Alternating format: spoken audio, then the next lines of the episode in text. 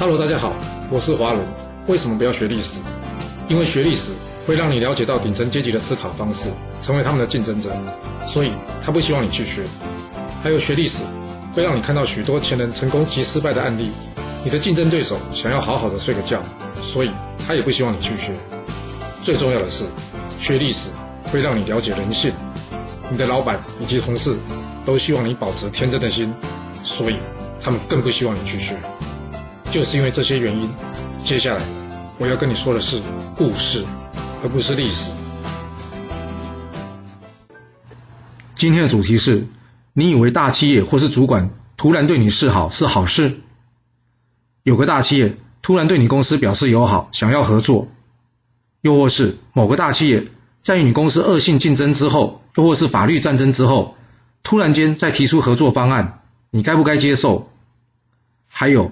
你的老板突然间没说理由，请你吃饭，或是对你表示友好，这该如何处理呢？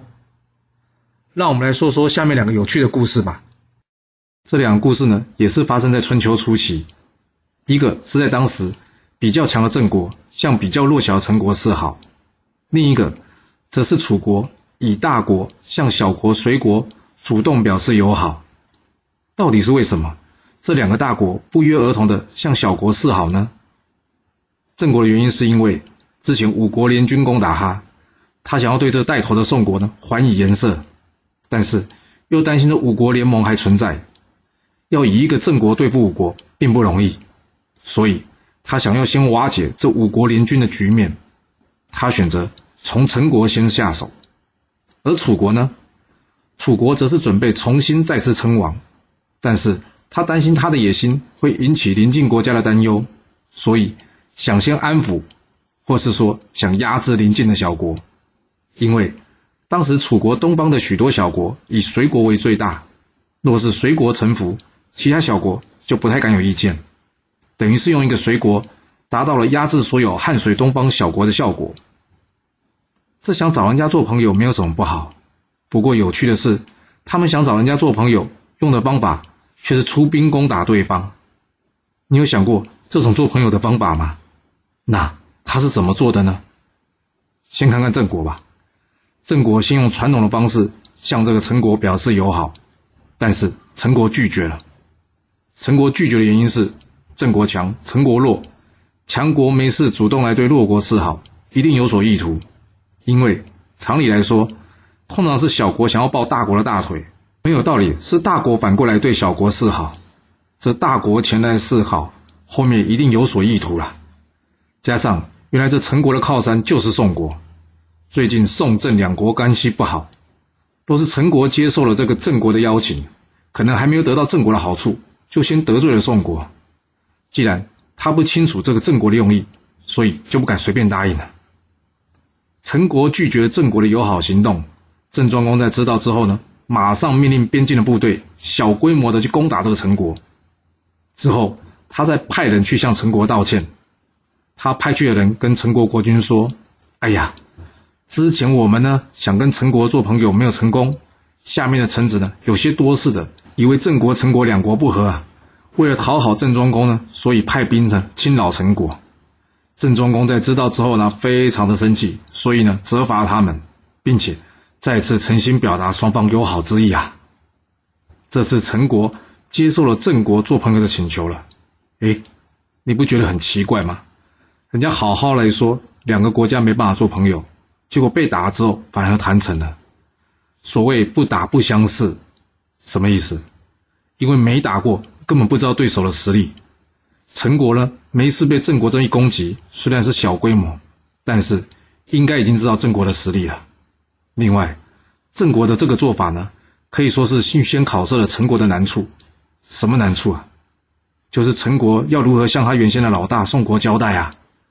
今天这郑国来打陈国，又主动来道歉，我陈国没有理由不接受啊！不接受，难道要我陈国出兵攻打郑国吗？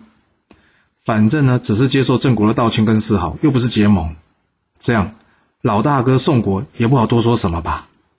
不过呢。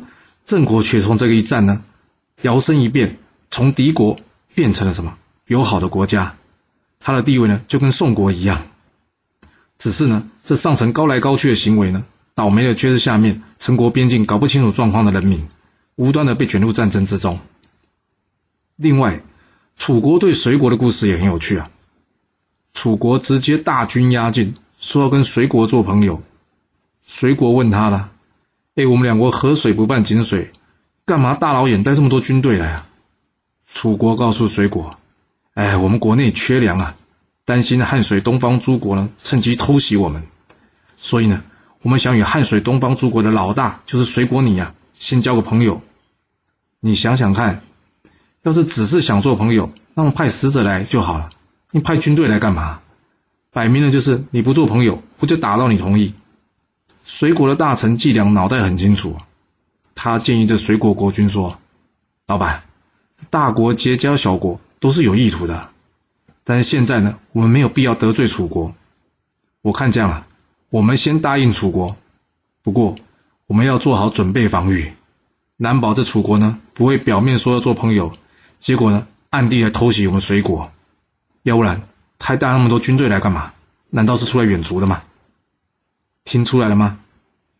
到底是礼多人不怪，还是没事献殷勤，非奸即盗？恐怕要从送礼的人身份来决定了。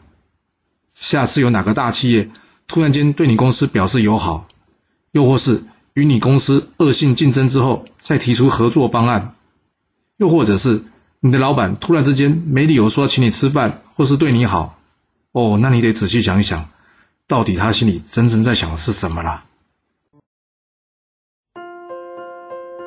好了，我们今天先说到这。如果你就是不听我的劝，想知道完整版的故事内容，你可以从说明栏找到我爱故事频道的连结。不过记住哦，你是来听故事的，而不是来学历史的。要是您喜欢这个频道，麻烦您动动您的手指，追踪、留言，或是给我五星评价的支持以及分享。谢谢您来收听，我们下次再见。